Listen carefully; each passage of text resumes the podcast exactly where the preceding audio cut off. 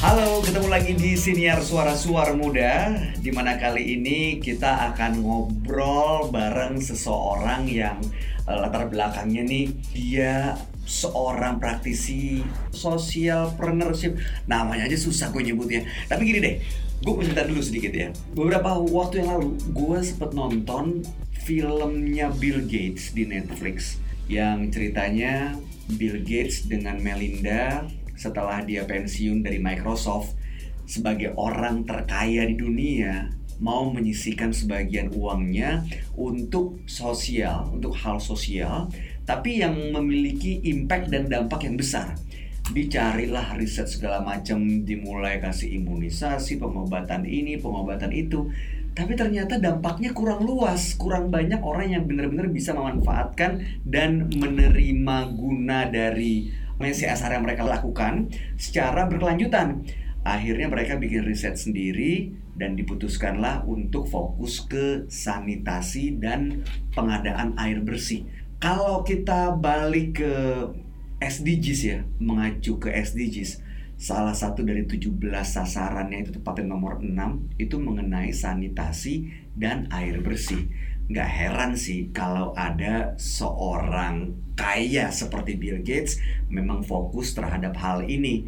Kalau di Indonesia, kalau gue sempat intip-intip nih, soal sanitasi dan air bersih ini adalah sasaran yang paling sulit untuk dicapai kok bisa ya?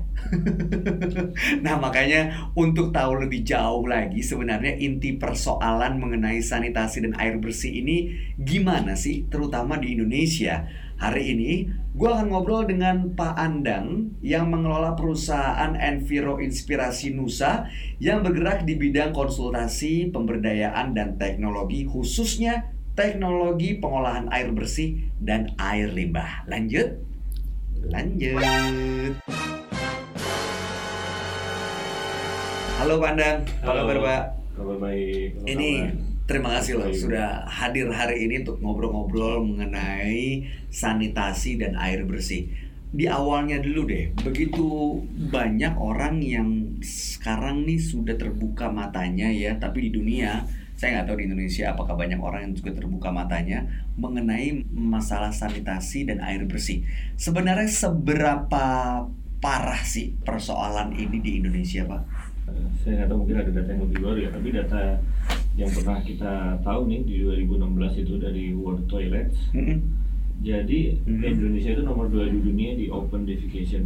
Open defecation itu BABS kalau bahasa sanitasinya, yaitu buang air besar sembarangan. Oh, nggak di tempatnya gitu, Pak? Iya, artinya kayak Indonesia dalam film-film atau dalam bayangan kita zaman dulu sebetulnya masih sampai sekarang masih seperti itu. Sebentar Pak, ini kita mau masuk ke G20 loh. Iya. Kita jadi anggota G20 tapi masa masih ada yang buang air besar sembarangan? Iya, BBS itu. Astaga. Buang air besar sembarangan. Kalau Oke. bahasa kerennya open defecation. Nah, itu Heeh, Indonesia itu di data yang kita tahu di WaterAid itu heeh. di atas 18 juta numbersnya. Jadi ranking dua dunia hanya di Astaga. bawah India. Di bawah kita siapa Pak? Di bawah kita Nigeria. Oh, oke. Iya, Jadi kita masih di top 3-nya itu Ind- India, Indonesia, Nigeria. Jadi kita termasuk penyumbang orang yang buang air besar sembarangan nih Pak. Iya. Ini masalahnya di mana sih Pak? Sebetulnya saya yakin ya pemerintah kan punya lembaga-lembaga baik itu Kemenkes, PUPR, dan banyak lembaga lainnya, LH yang semuanya sebenarnya concern terhadap masalah ini. Eh, Cuma kalau kita lihat nih eh, mungkin ada faktor juga di mana urbanisasi itu demikian lajunya di Indonesia demikian tinggi. Nah, orang-orang yang banyak ribut di sosial media itu kan orang-orang urban nih kelas menengah. Kelas menengah ini kadang-kadang udah lupa dulu orang tuanya tuh BABS atau kakek neneknya masih BABS gitu. Dan orang-orang yang tinggal bukan di kota besar umumnya mereka belum punya akses sanitasi yang baik. Dalam hal ini mereka nggak punya jamban nggak punya toilet gitu. Hmm, oke. nah isu yang kemudian harusnya jadi isu dasar sa- infrastruktur itu kan harusnya infrastruktur yang berhubungan dengan sanitasi Mm-mm. tapi di kita karena yang sibuk atau yang genit di sosial media ini kelas menengah yaitu yang kita ributin mau punya MRT mau punya LRT pengen Jakarta nggak macet pengen mengurangi polusi udara dan lain-lain gitu yang sebetulnya secara hierarki itu dampaknya kepada kesehatan walaupun misalnya pencemaran udara walaupun sama-sama punya dampak yang buruk tapi kita bahkan sanitasi basic aja banyak yang belum tersentuh. Oke, Pak Andang, tadi kan Bapak juga bilang bahwa kalau di kelas menengah atau enggak orang yang concern sama sosial media biasanya lupain nih masalah sanitasi. Hmm. Kalau untuk Pak Andang sendiri, apa yang membuat Bapak tertarik dengan hal ini? Ya, pertama kebetulan background saya tuh teknik lingkungan, jadi kita memang belajarnya jorok-jorok. Oke. Okay. Iya, jadi air bersih, air limbah. Gitu. Uh -uh sebetulnya eh, setelah kita dalami ini juga bukan hanya masalah Indonesia tapi masalah dunia terutama di negara-negara berkembang atau negara dunia ketiga gitu di Afrika sayangnya eh, kita walaupun negara berkembang tapi kita ya masuk nomor dua nih open defecationnya mm-hmm. saya nggak tahu data terupdate apakah kita udah turun peringkat atau masih tetap peringkat dua ya cuma di data World Toilet yang 2016 pun Indonesia itu 14,6 juta kakak itu nggak punya toilet 5,1 juta kakak itu sharing toilet. Nah ini kan mengerikan. Nah gini kita bicara Indonesia ya. Kita sekarang bicara kota yang paling maju nih, mm-hmm. Jakarta. Oke. Okay. Kalau menurut data itu di atas 100 ribu kakak itu juga masih BABS. 100 ribu kakak di kota besar seperti Jakarta di iya, kota. Iya, padahal tingkat BABS Jakarta tuh dibanding daerah lain termasuk paling baik. Artinya BABS-nya paling rendah ya ini masalah yang seperti ini kan terjadinya bukan satu dua tahun belakangan ya pak iya udah lama gitu iya betul ini nggak ada pemerintah yang bergerak ke sana nih ada sebetulnya cuma mungkin karena isunya itu tidak seksi jadi iya nggak bagus untuk diberitain mungkin, gitu pak mungkin kita nggak oh. tahu juga ya apa faktor politisnya apa tapi Saya, seberapa penting sebenarnya masalah ini untuk diselesaikan? Karena masalah sanitasi itu menyangkut masalah nanti dampaknya misalnya ya stunting hmm. yang orang banyak tahu faktor gizi buruknya. Uh -huh. Nah sebetulnya 27% kontribusi stunting itu juga disebabkan oleh sanitasi buruk. Bayangkan kalau kita nggak terbiasa mencuci tangan atau air yang kita minum itu air tidak bersih atau kita biasa buang air besar sembarangan di mana ada kontaminasi dari bakteri mikroba E. coli dari feses gitu misalnya dari tinja hmm. bisa nempel di piring atau di tangan terus termakan sehingga kemudian anak-anak itu jadi sering diare hmm. itu kontribusinya nanti ujung-ujungnya terhadap perkembangan otak yang tidak maksimal. Kalau untuk air bersih sendiri di Jakarta gimana sih? Stunting. Jakarta itu kalau secara data sih sebetulnya BABS-nya mungkin termasuk yang cukup rendah gitu. Jadi okay. akses jamban itu kalau di Jakarta dari data SDBM yang dikeluarkan oleh Kemenkes itu sekitar 95 persen. Hmm. Nah cuma 95 persen itu artinya kan 5 persen tidak terakses. 5 persen kalau dari penduduk Jakarta 10 juta ya. 10 juta kan sudah berapa gitu. Banyak Misalnya dihitung kakaknya bisa 100 ribu. Inilah yang kita lihat misalnya sepanjang badan sungai di Kali Ciliwung orang buang air besar sembarangan atau di kampung-kampung kumuh di perkotaan itu masih seperti itu. Ini kita bicara Jakarta loh, jadi bayangkan kalau di daerah Indonesia lain, misalnya Indonesia Timur gitu ya, itu hmm. angkanya bisa 70-an persen gitu artinya masih banyak orang yang BAB-nya mungkin di sungai, di kebun, di sawah kayak gitu. Ini jarang data-data ini itu terekspos gitu ya? mencuat ya? dan terekspos ke permukaan. Kita kan seringnya data-data yang bikin kita bangga. Hmm. Indonesia mau ke G20 lah, Indonesia mau jadi negara hmm. maju lah negara salah satu dengan GDP uh, eh, besar di dunia dengan pertumbuhannya juga termasuk yang tinggi misalnya seperti itu itu yang yang sering jadi berita manisnya gitu dan yang di highlight juga infrastruktur ya infrastruktur transportasi jadi kalau kita bicara infrastruktur seolah-olah yang namanya infrastruktur tuh sebenarnya bukan cuma jalan ya, ya? iya. ya bukan cuma jembatan iya bukan cuma jalan bukan cuma jembatan bukan hmm. cuma ada MRT LRT atau akses tol gitu kalau soal kesadaran masyarakatnya sendiri gimana Pak? Sudah cukup tinggi nggak sih mengenai dampak negatif dari kondisi sanitasi yang seperti sekarang?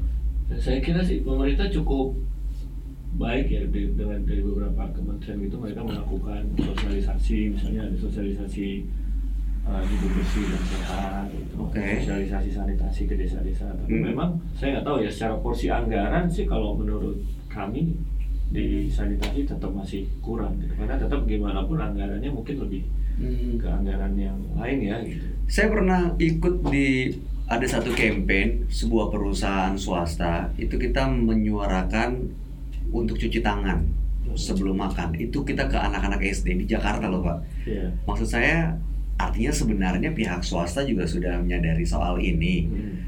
Cuman kenapa masih belum terasa dampaknya pak? kadang-kadang kan gini swasta kan juga dananya terbatas sering kali mereka itu bantu dari sisi CSR ya Heeh. tetap tanggung jawab utama ini kan Pemerintah. dalam hal ini dan yang namanya isu sanitasi itu harus terintegrasi ini yang kadang orang lupa misalnya ya kita sudah didik atau sosialisasi anak-anak kita di sekolah-sekolah di mana gitu untuk cuci tangan sebelum makan Hmm. tapi ketika air yang buat cuci tangannya itu terkontaminasi sama bakteri E. coli dari tinja atau dari feses Hmm. ya mau dicuci tangan 100 kali juga kan airnya bukan air yang Iya bersih benar, gitu nggak bersih juga. Iya. Kenapa bisa begitu? Contoh di Jakarta. Jakarta itu hampir semua air tanah Jakarta udah tercemar E. coli.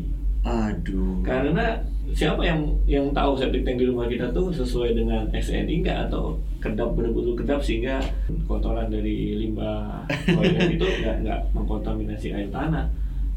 Iya. Di sisi lain rata-rata orang Jakarta masih pakai air tanah. air tanah. Belum Saya semua- pakai air tanah. Iya belum semua terakses oleh PDAM atau bersih sumber air bersih lain. Jadi cuci tangan tapi air cuci tangannya terkontaminasi E. coli ya diare lagi nanti jatuhnya. Kan itu harus ter- sama aja bohong. Jadi harus terintegrasi.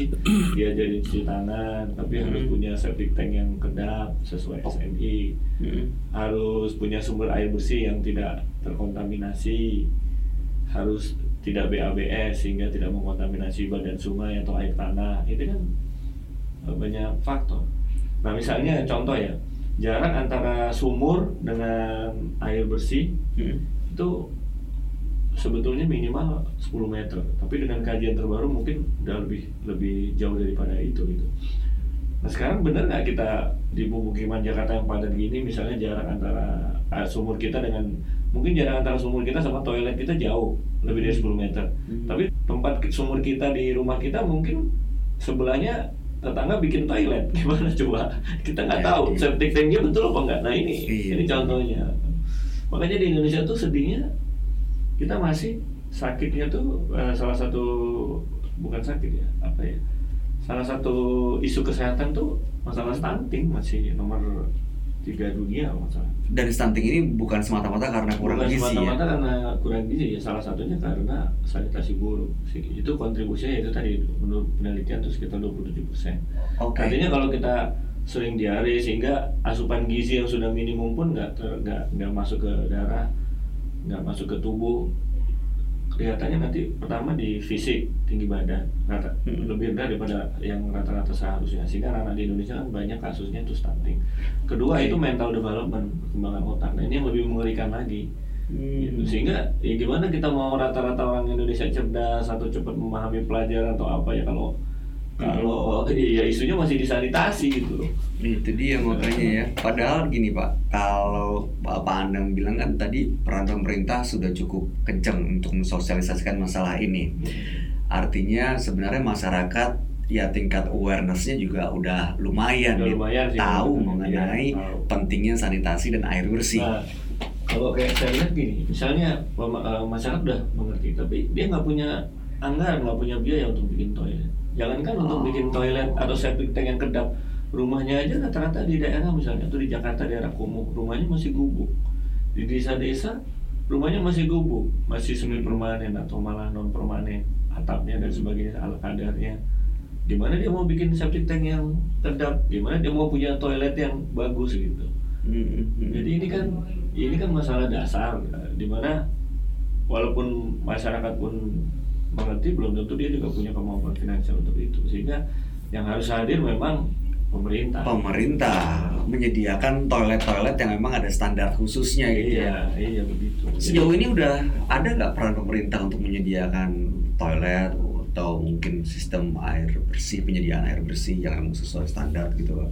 sudah sih saya saya kira dari beberapa kementerian misalnya kayak PUPR gitu dia cukup gencar. Cuma Oke. ya karena itu kurang diekspos lagi-lagi isunya kurang seksi Mm-mm. yang kita rasa juga mungkin anggaran ke sana masih ada kaitannya ya, Pak? iya masih nomor dua lah mungkin iya sekarang kita nggak tahu ya saya bicara kalau misalnya anggaran untuk bandara pelabuhan dan sebagainya itu Hmm. berapa dibanding anggaran untuk toilet misalnya atau untuk MCK walaupun semuanya jadi prioritas kan tentu kita harus bisa lihat prioritas yang utama sebetulnya yang mana gitu ini antar stakeholders lah yang yang harus duduk bersama dan menentukan Iya, iya, iya. prioritas itu gitu Dan kalau di kota besar aja masih ada persoalan seperti ini, gimana yang kota-kota kecil, second city, itu permasalahannya bisa lebih berat nih soal sanitasi sama air bersih ini. iya betul Nah, kenapa soal sanitasi dan air bersih ini eh, menurut data yang saya sempat dengar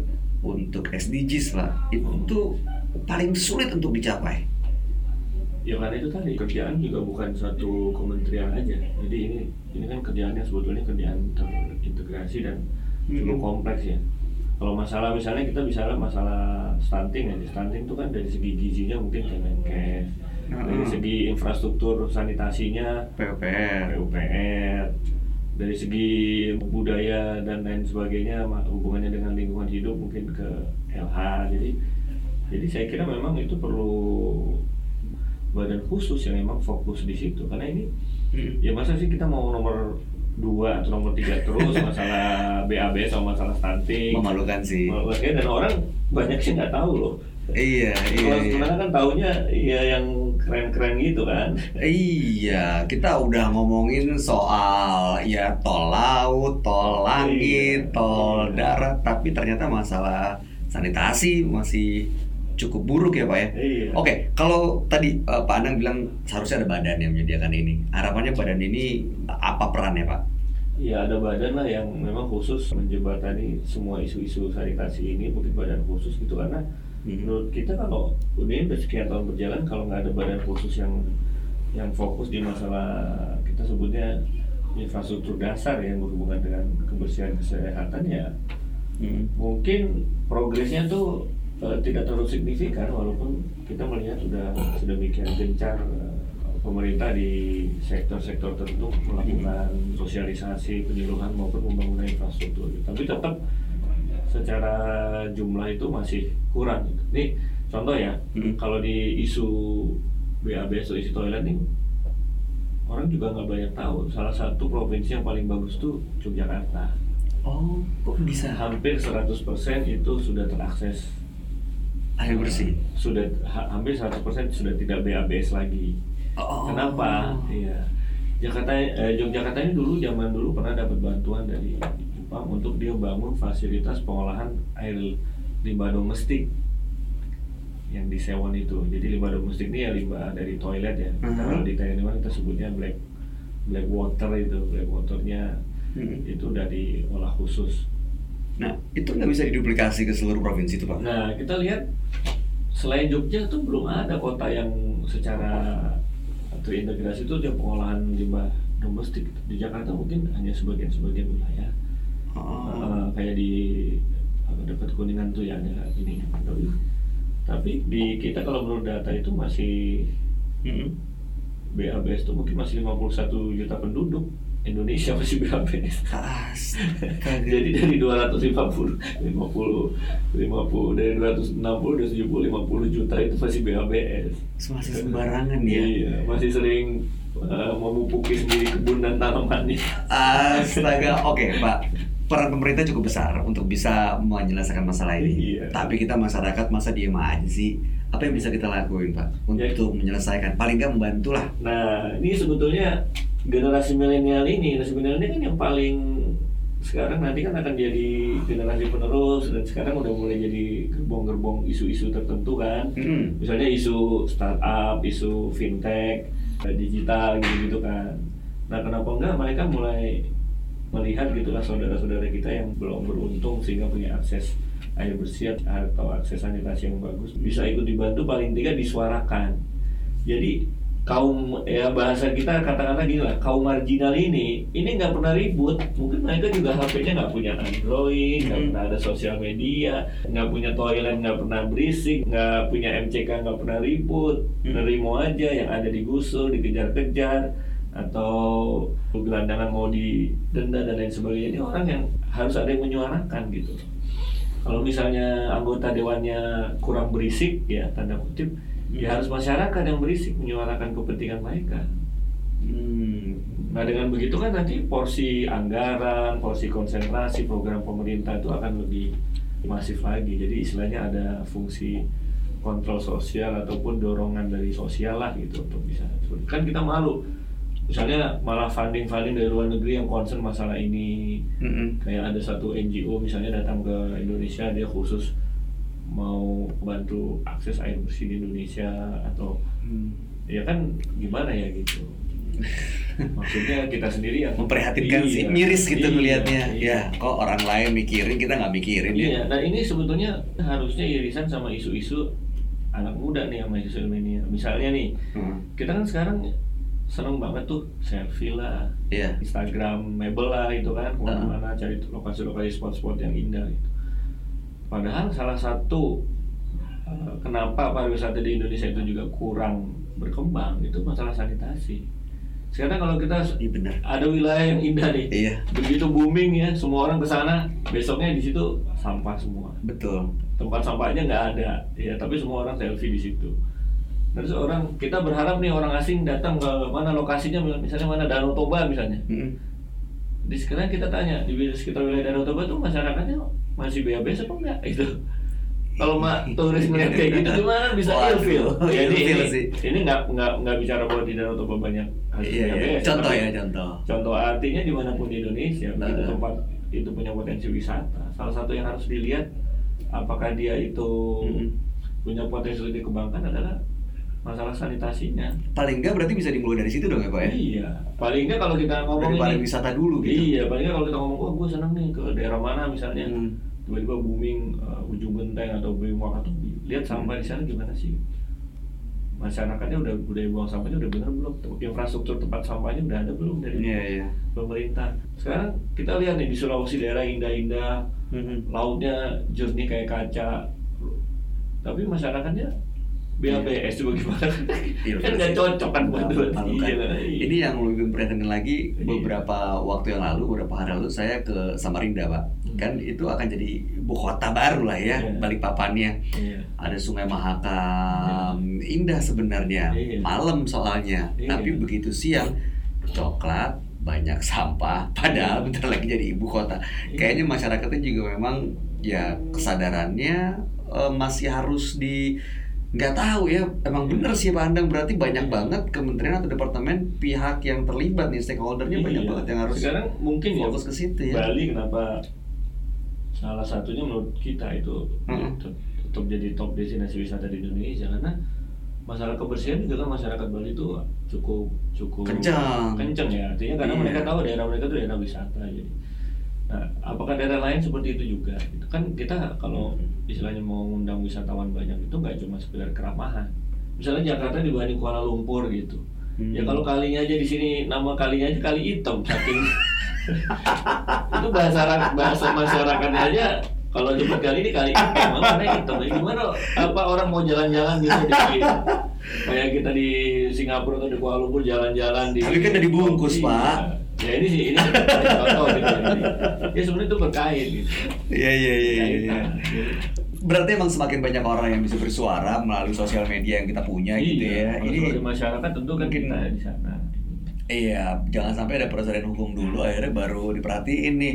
Jangan sampai ada kejadian orang kehilangan nyawa terekspos gara-gara kebersihan dan juga air bersih akhirnya baru jadi isu. Iya, kalau kalau udah jadi Viral. isu kan mungkin nanti ada law enforcementnya juga. Oh, mm, mm. Contoh, dulu kan orang nggak pernah ada yang pakai seatbelt, tapi begitu mulai jadi nggak tahu ya waktu itu cerita gimana jadi isu lah, jadi Mm-mm. ini terus ada law enforcementnya, begitu orang didenda 500 ribu atau satu juta ya, otomatis orang juga akan Mm, akan hati-hati.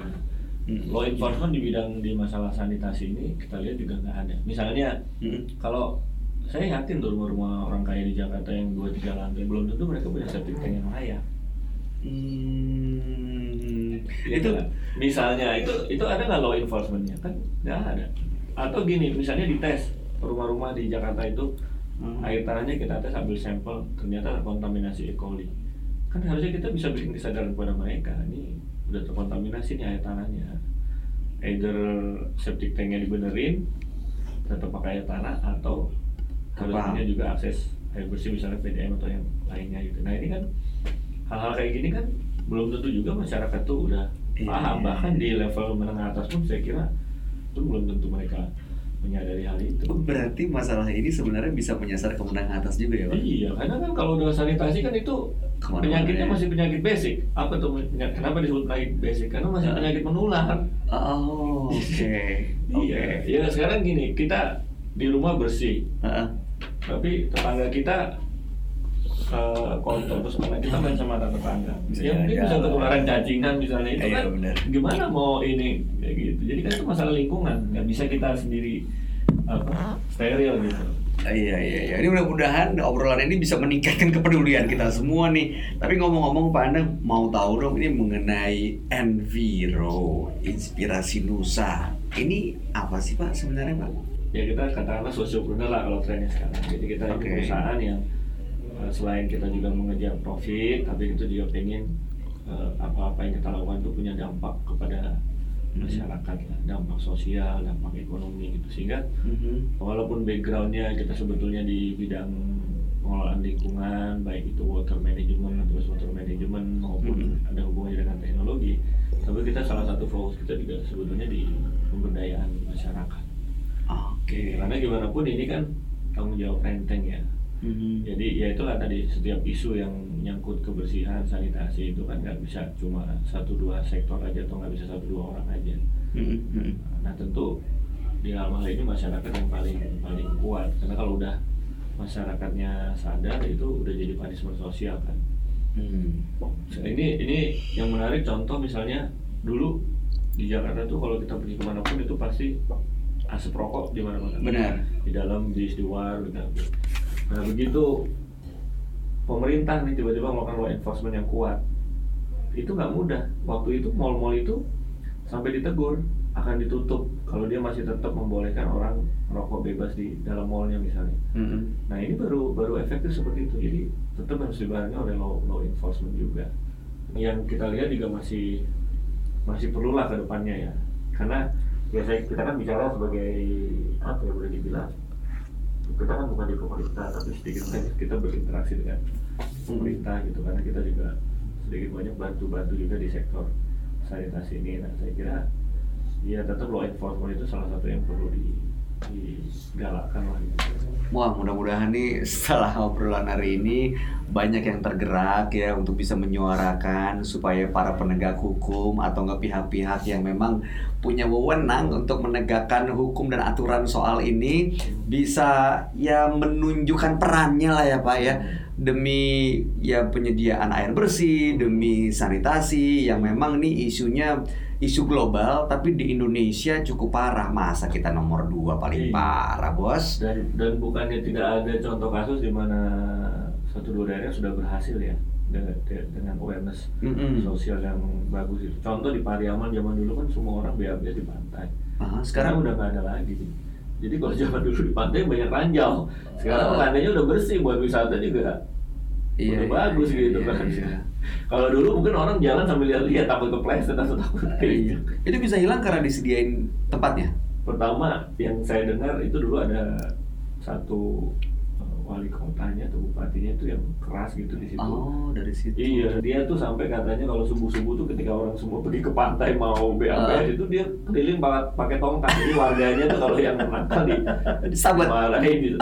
Disahabat. Tapi disediakan juga sama dia tuh. Oh, ada solusinya Nah, ya. eh, jadi ya itu inilah artinya terintegrasi lah.